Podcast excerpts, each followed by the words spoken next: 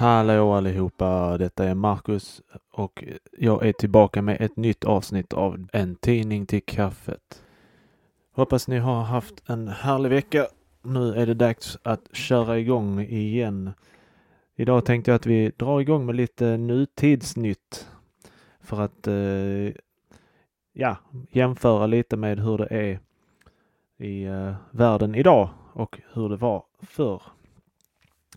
Vi vet ju vad den största nyheten är idag. Det är ju att eh, Vladimir Putin har invaderat Ukraina och det är ganska mycket hemskheter som händer där borta just nu.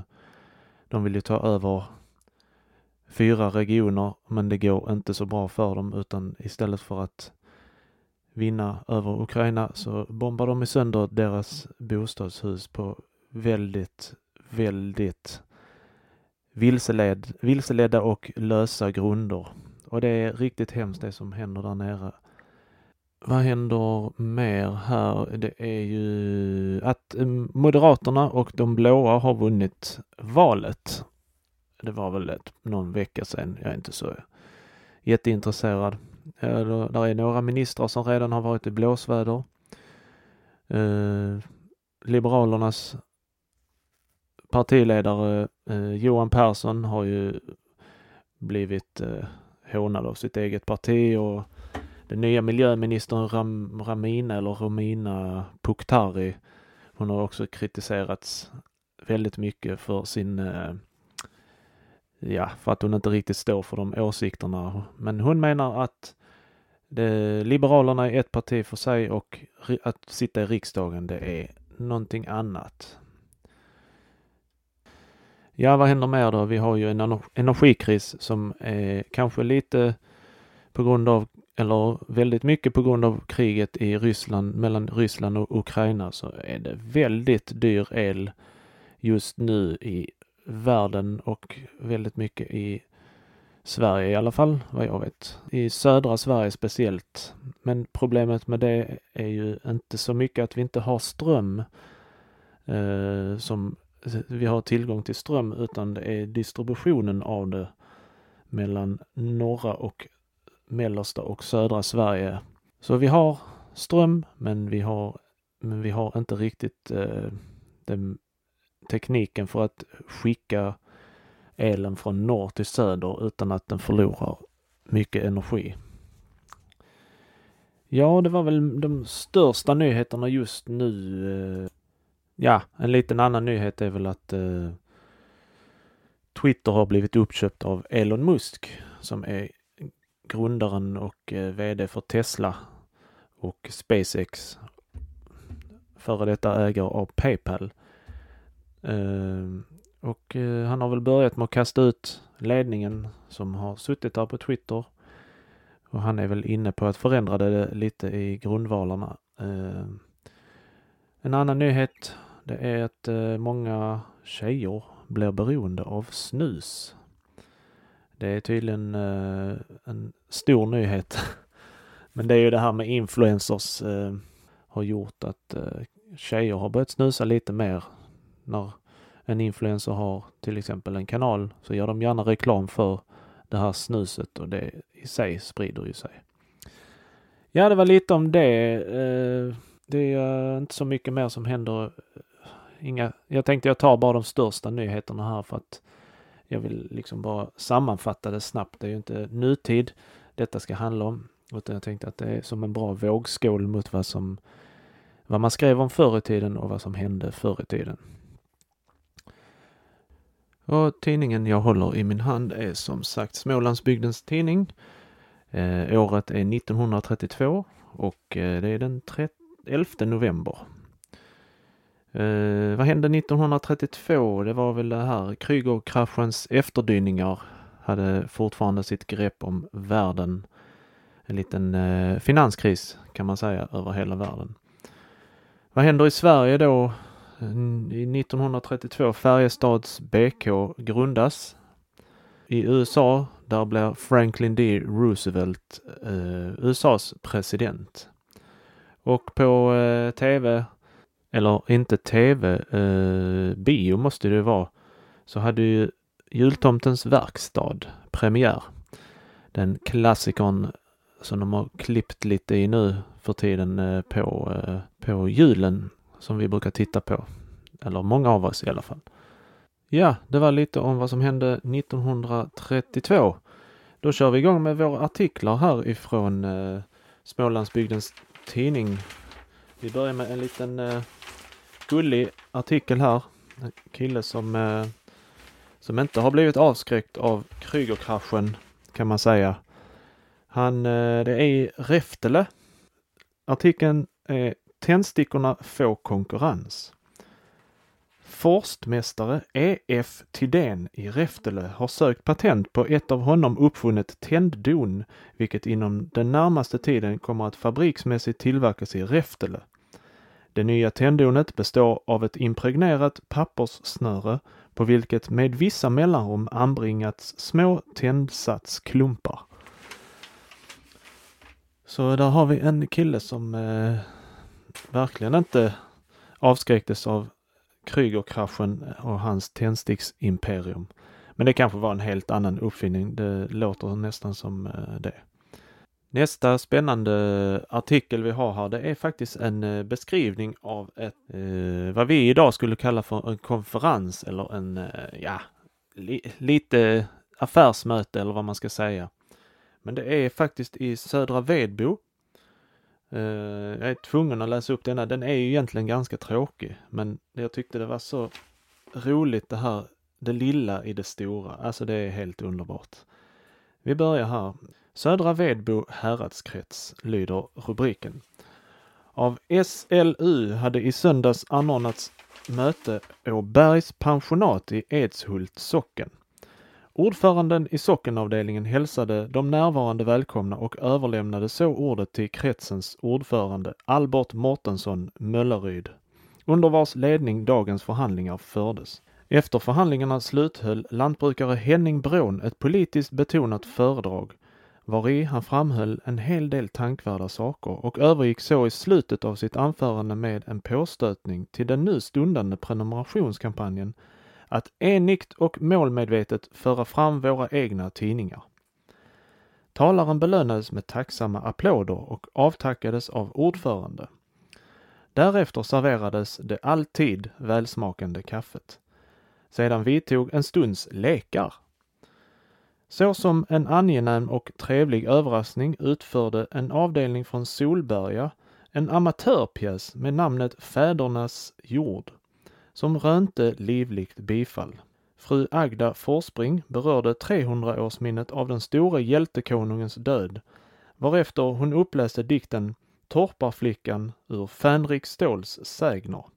Talarinnan fortsatte med en maning till sina kvinnliga kamrater att likt diktens kvinna vara en sann fosterländsk vän samt giva sina manliga kamrater en sporre att även i sin tur på sin vandring genom livet slå ett ärligt slag för sitt gamla fosterland Sverige. Fru Forspring avtackades med tacksamma applåder. Sedan vidtog ytterligare en stunds lekar. En käck yngling från Edshult avdelning, tyvärr har Ref glömt hans namn, bidrog med att berätta en paschasa som han avslutade med en trevlig visa som rönte livligt bifall. Sedan ännu en gång kaffe serverats avslutade ordförande möte med att framföra ett tack till talare, arrangörer, arrangörer med flera för den trevliga afton de bidragit till.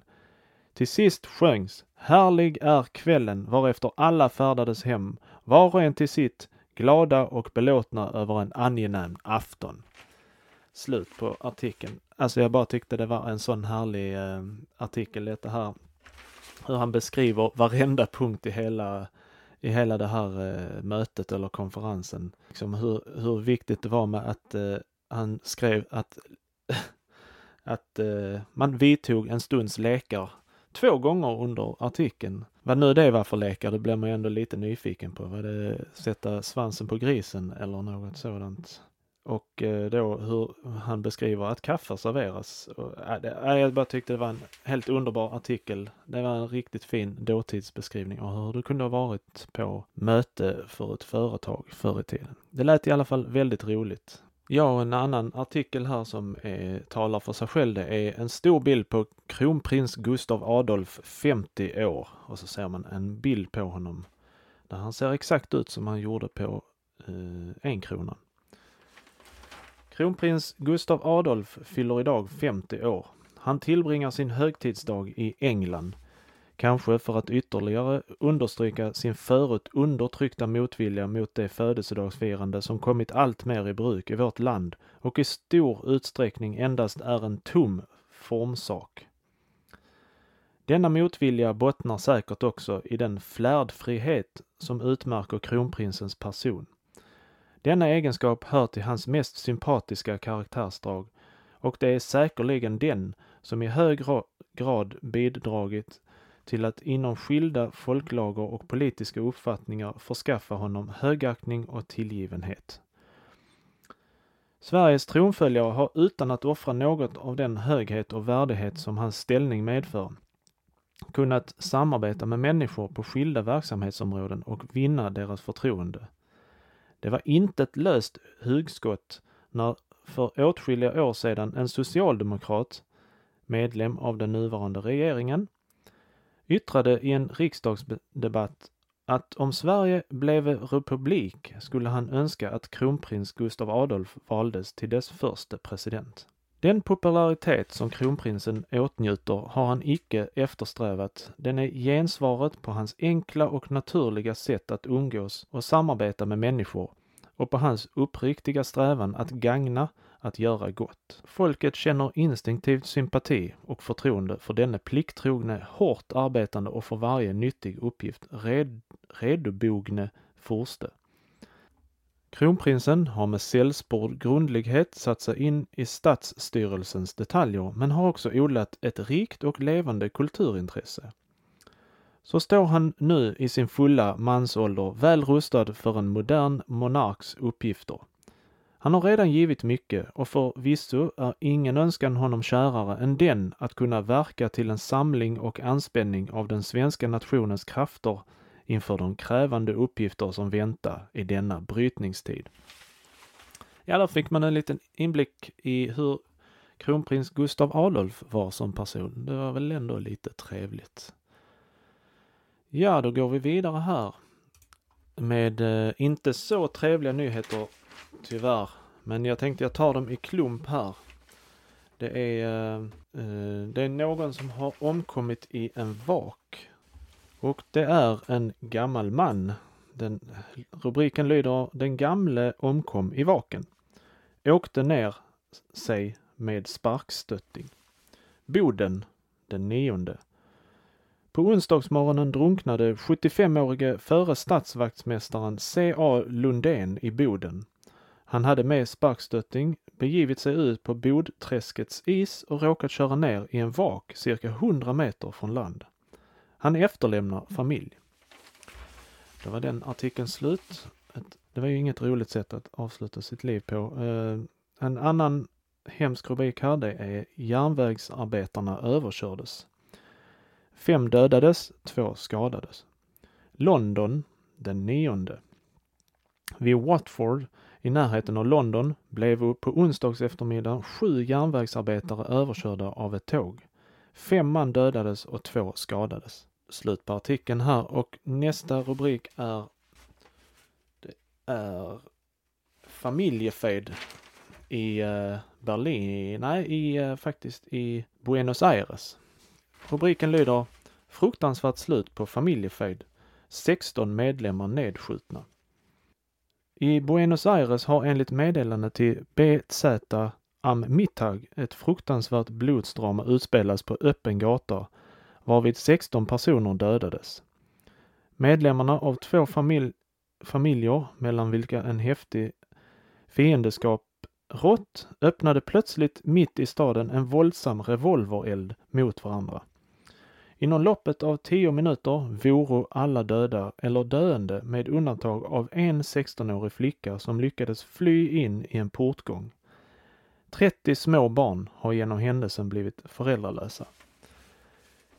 Det låter verkligen fruktansvärt, eh, speciellt för alla barnen som drabbades av detta. Vi får hoppas att familjefejden slutade där. Och den sista morbida nyheten just nu det är två gotländska fiskare är omkomna. Jingo under vid försök att bärga fiskegarnen. Visby den tionde. Två unga fiskare, Gösta Sjölin från Östergarn och Ernst Johansson från Gammelgarn har på torsdagsförmiddagen omkommit utanför Sysne i Östergarn.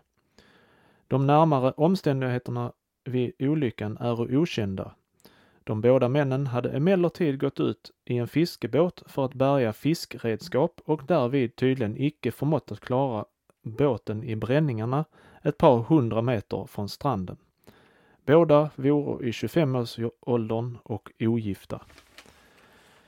Ja, det var riktigt tråkiga nyheter ju, men sånt hände ju såväl förr i tiden som idag. Där, dock tror jag inte att flytvästar var någonting man hade på den tiden och jag vet inte varför de dog heller. Det står ju bara att de inte kom tillbaka.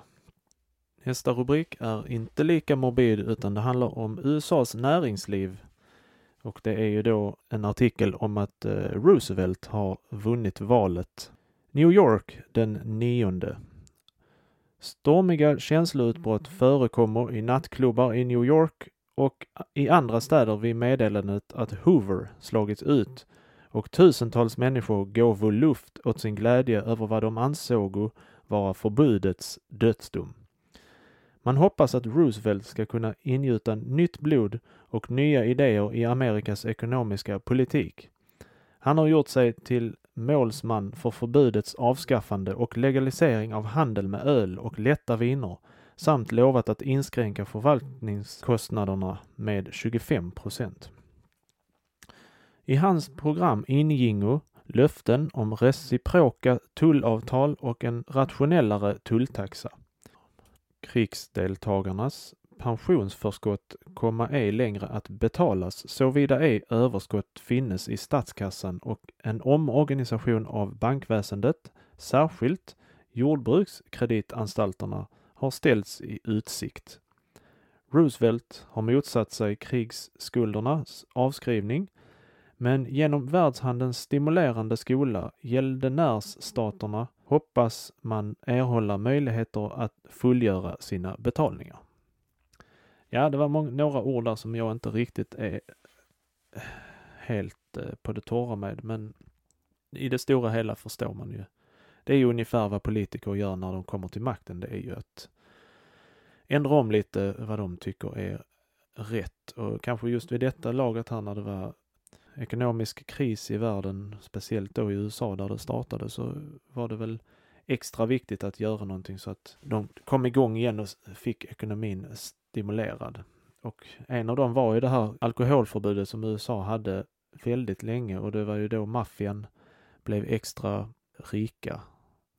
Ja, vi ska inte gå in för mycket på det. Nästa rubrik här eh, lyder Kvacksalvare. Kvacksalvaren otillräknelig sökte bota lungtuberkulos med liniment. Västerås den tionde. Inför Västerås rådhusrätt handlades på torsdagen ett kvacksalverimål mot en man vid namn August Johansson Rask, som sedan många år haft namn om sig att bota allehanda sjukdomar. I höstas behandlade han en svårt tuberkulossjuk person som sedermera avled, varför Johansson Rask åtalades. Han erkände öppet att han under många år olovligen utövat läkaryrket. Han hade företrädesvis använt sig av ett slags liniment som han själv tillverkat samt läst över folk. Rådhusrätten beslöt låta verkställa undersökning av Johanssons sinnesbeskaffenhet och målet förklarades under tiden vilande. Ja, det behöver man nog om man försöker bota tuberkulos med liniment som inte är en hudsjukdom. Men, men, sådana fanns det väl mycket av förr i tiden.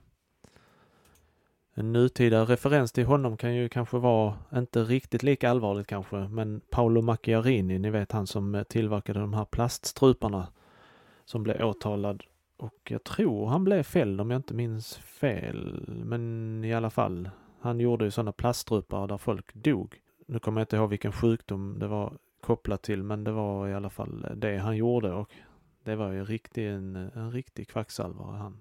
Han är det fortfarande. Nåväl, vi går vidare här. Nästa rubrik, detta är sista sidan i den här tidningen eh, Smålandsbygdens tidning och eh, jag har två artiklar kvar här. Det är en biltragedi i Danmark. Bil över hamnkaj, fyra omkomna, lyder rubriken. Köpenhamn den 10. Natten till den 2 november kom en person till automobilförsäljaren i Herning och bad att bli körd till Fredericia då han kommit för sent till tåget. En ung chaufför, Marius Martinusen, förklarade sig villig att köra om han fick taga två kamrater med sig. Den resande gick med härpå och alla fyra begåvo sig iväg. Bilen hördes senare icke av och då man befarade att den i mörkret kört ner i den söder om Fredericia liggande Snoghöj hamn har drag, dragningar företagits där. Idag på morgonen har man funnit en bil liggande på havsbotten med hjulen i vädret. Den man som beställde bilen var enligt vad polisen lyckats utröna en före detta strafffånge Jensen, vilken samma dag frigivits från fängelset och enligt vad man han förklarat var på väg till sin moder i Svenborg. De tre övriga åkande vore alla i 20-årsåldern. Vid middagstiden lyckades man taga upp bilen. Inuti fann man liken av de fyra passagerarna. Automobilens vindruta var krossad, men några andra skador kunde icke upptäckas på bilen. Slut på artikeln. Ja, förutom då att den var vattenskadad. Och vi vet ju hur bilarna var förr i tiden. Det räckte att det regnade ute så var, kunde inte bilen köra. Så den motorn kan man ju säga kom ju inte igång någonsin igen. Den lär de ha varit tvungna att byta. Då går vi vidare här till den sista artikeln i Smålandsbygden. Det är Attentat mot nattsnälltåget. Anhållen dynamitard ska höras. Falköping den 10. Enligt vad stadsfiskal Norby i Skövde meddelat har han hos Länsstyrelsen i Mariestad gjort framställning om att den för dynamitinbrottet i Götene anhållne Andersen Mellgren måtte få höras om attentatet mot nattsnälltåget vid Gustavsbruk den 15 augusti. Något positivt som tyder på att Andersson Mellgren deltagit i attentatet har icke framkommit. Stadsfiskalen framhåller att Andersson Mellgren är en sådan typ som kan misstänkas för allt. Slut på artikeln. Ja, då är man nog en sån typ som är oförbätterlig och man kan bli misstänkt för allt. Ja, sen finns det några mer eh, man behöver inte läsa alla artiklar som finns, men här är ju en del artiklar här. En officer som är överfallen i Vetlanda. En förskimringsaffär i Vimmerby. Kravallerna i Genève. Eh, kräver 12 dödsoffer. Eldsvåda i ett schweiziskt barnhem. Men jag tycker det räcker så här. Tycker vi kan avsluta med en, eh, en reklamsnutt. Eh, eller en reklaminslag nej, inte reklaminslag, utan att jag läser några reklam, reklamartiklar här i tidningen innan vi går vidare. Jag prisar, du prisar, vi prisar. Både du och jag och alla våra väninnor prisar kooperativas mjöl. Bakar vi så blir bullarna läckra och vackra. När vi använder det i matlagningen märker vi kanske ändå bättre vad en storkvarns många sinnrika maskiner betyder. Det blir en ypperlig smak när det är, stora bokstäver, kooperativas mjöl. Eh, det var en där. Sarvins eh, manufakturaffär på Smedjegatan i Jönköping. Babylådan allt som fordras för utstyrseln, bästa kvaliteter, välgjord, välgjort arbete, pris 7 kronor, sändes mot postförskott. Babylådan är väl, antar att det är något man får när man, eller beställer när man fick en bebis med alla möjliga saker. Ja, och så är det herr Ulstrar igen på Vigarts. De gör reklam för herrrockar. Men jag tycker det räcker så. Jag tycker vi går vidare nu med eh, Hemmet-bilagan här. Den är, eh, här finns faktiskt väldigt många intressanta artiklar. Jag börjar här direkt med eh, en artikel som heter Man och hustru i det moderna äktenskapet. Det är vad man, någon här tyckte på den tiden att så här ska det vara. Jag ber om ursäkt om det blir lite otydligt ibland. Är, texten här är väldigt eh, väldigt suddig på vissa ställen. Så jag ska försöka läsa så flytande jag kan. I Neues Pester-journal framlägger en fru C. Thaler sina åsikter om det moderna äktenskapet. Hon går ut från den åskådningen att kvinnorörelsen, som griper allt mera omkring sig, skall giva inflytande på äktenskapets väsen, på förhållandet mellan man och hustru. I allmänhet känna sig skapelsens herrar, skriver hon, tämligen ängsliga till mods på grund av den kvinnliga studerandet och de, och, de, och de perspektiv det öppnar. Till och med vetenskapsmän, författare och konstnärer gifta sig i regeln med helt obetydliga kvinnor. Och sedan suckar de över hustruns brist på andlig förståelse och söka tröst och inspiration hos en själfull Aspasia eller Egeria.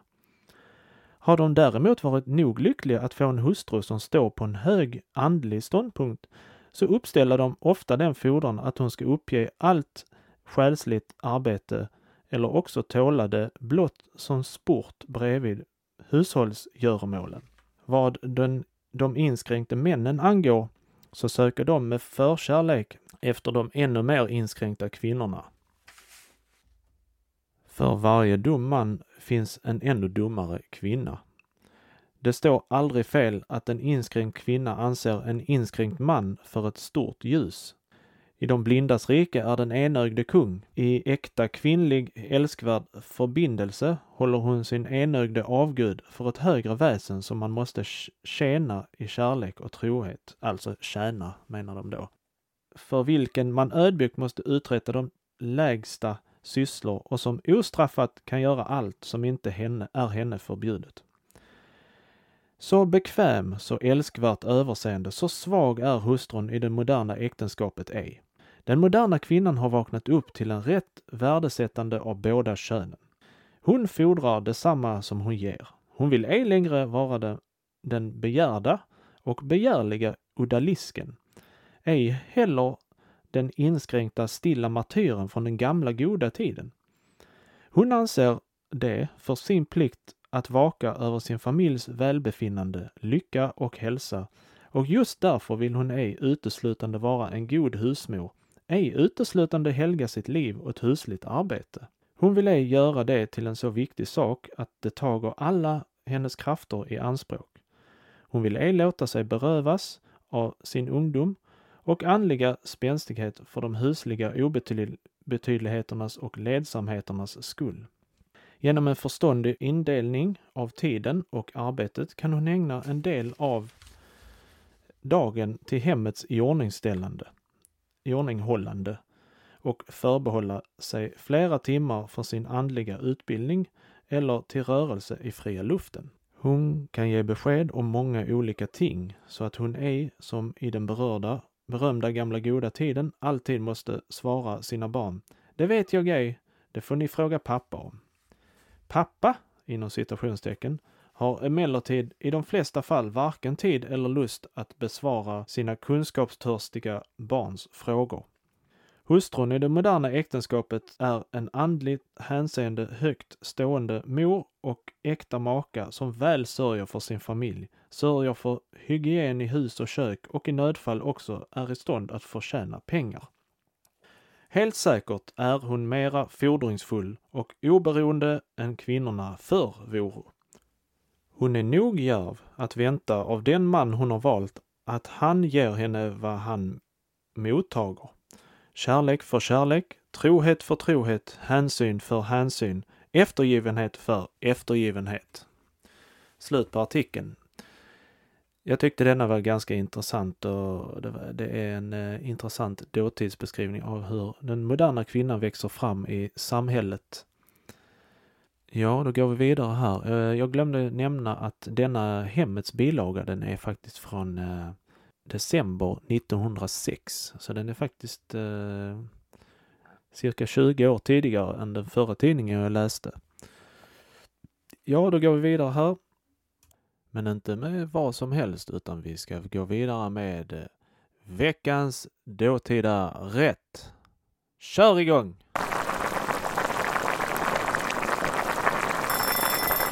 Ja, ja, ja, jag inser det är inte världens starkaste intro, men eh, vi ändrar på det någon gång i framtiden. Dagens rätt kommer eh, bli en lite mer, eh, som jag sa förra veckan, kommer bli en lite köttigare rätt. Här ska inte vara några vegetariska rätter här inte. Det är ingen som vet vad vegetariskt är. Idag blir dagens rätt Böff à la mode. Jag, jag kan inte säga att jag någonsin har hört den. Det här är för 12 personer. Då behöver man 3 kilo oxkött och det är fransyskan man vill åt.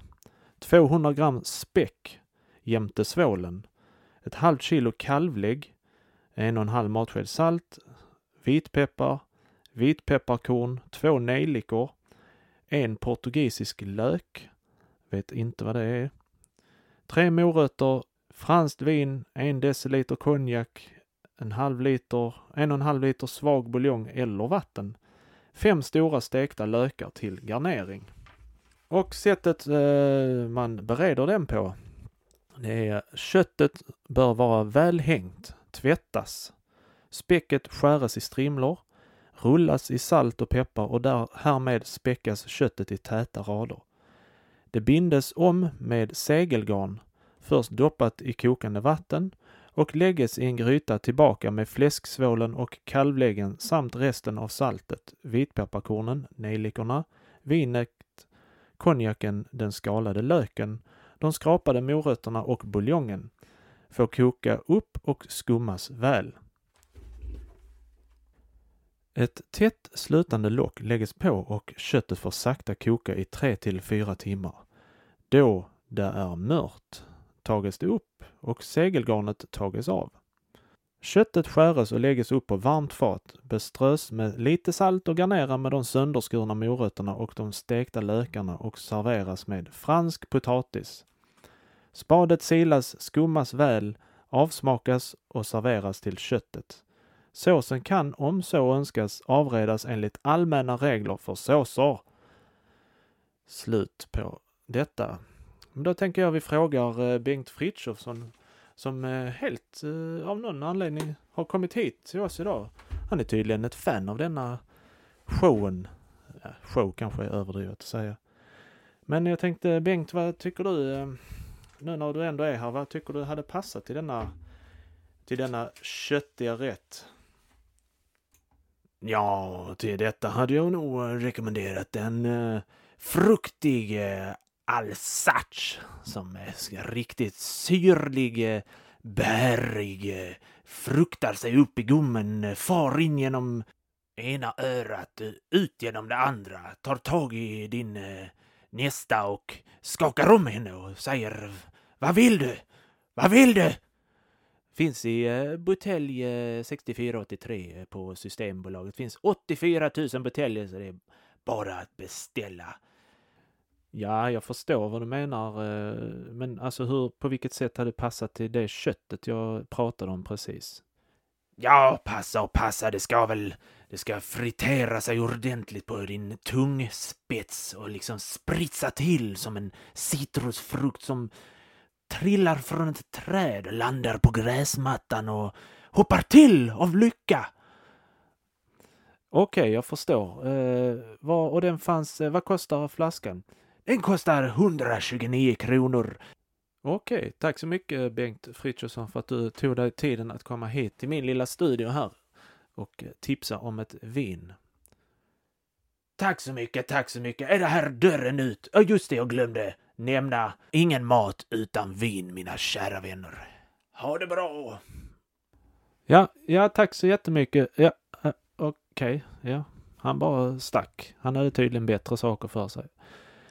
Ja, ja, det var dagens dåtida rätt. Vi går vidare här med eh, några artiklar till. Vi hinner väl med cirka två stycken till. Det är en rubrik här, det är den första samskolan i England. Som ett alldeles nytt och mycket märkligt experiment omtalas i Londons tidningar att man ämnar inrätta St. George School i Harpenden såsom samskola efter amerikanskt mönster. Det är en känd präst och lärare vid namn Cecil Grant från Oxford som har vågat sig på detta och fått en del förmöget folk med sig. Meningen är att ha samundervisning för barnen från den, det åttonde året och tills, tills de går till universitet. Pastor Grants förnämsta skäl för att söka även i det gammalkonservativa England införa vad som ju redan länge praktiserats exempelvis i Sverige är följande. Flickorna vinna på samofostran, större öppenhet, mindre inbilskhet, vidgande intressen och bättre kåranda. Gossarna vinna, mindre lättja, mindre grymhet, mindre klumpighet och mindre falsk blygsel. Flickorna får större resurser och lära sig bättre att lita på sig själva och gossarna bliva förfinade och lära sig att bättre akta kvinnorna. Flickorna lära gossarna att arbeta flitigare och gossarna lära flickorna att lägga bort den översvallande sentimentaliteten. Det är en härlig beskrivning av någonting, någonting som vi idag tar för givet, detta här. Den första samskolan i England och det var tydligen ett eh, märkligt experiment, tyckte de på den tiden. Detta är alltså lite mer än 100 år sedan. 100, nästan 120 år sedan är detta. Det är, alltså, de kallar det ett märkligt experiment. Ja, vi går väl vidare här med den sista artikeln. Det är en på fältet kvarstående maskin som icke längre användes utan endast får stå där på grund av liknöjdhet och slarv är en ledsam uppenbarelse. Där står den stackars maskinen i alla möjliga väder och blir rostig och nersmord och naturligtvis ilsken och förargad. Vem kan förtänka honom att han betydligt fortare, ja, kanske några år i förtid uppsäger sin tjänst och nekar att fullgöra densamma under den helt naturliga förevändningen att husbunden icke skött honom till hans belåtenhet. Alla maskiner, alla redskap skola vara blanka, skinande och väl smorda, så får de en lätt och lekande gång och göra minsta möjliga besvär. Genomför denna sats konsekvent på både levande och döda medhjälpare. Så eh, kom ihåg att ta hand om din traktor och dina redskap och dina drängar. Men eh, med den artikeln, då avslutar vi detta avsnittet här. Tackar så jättemycket för att ni har orkat med att lyssna på min jobbiga röst ett litet tag. Eh, jag hoppas det var roligt och eh, intressant och lyssna jättegärna på nästa avsnitt så blir jag superglad och hör gärna av er på min e-mailadress som jag skriver här intill. Tack så jättemycket. Ha det gott. Hej då!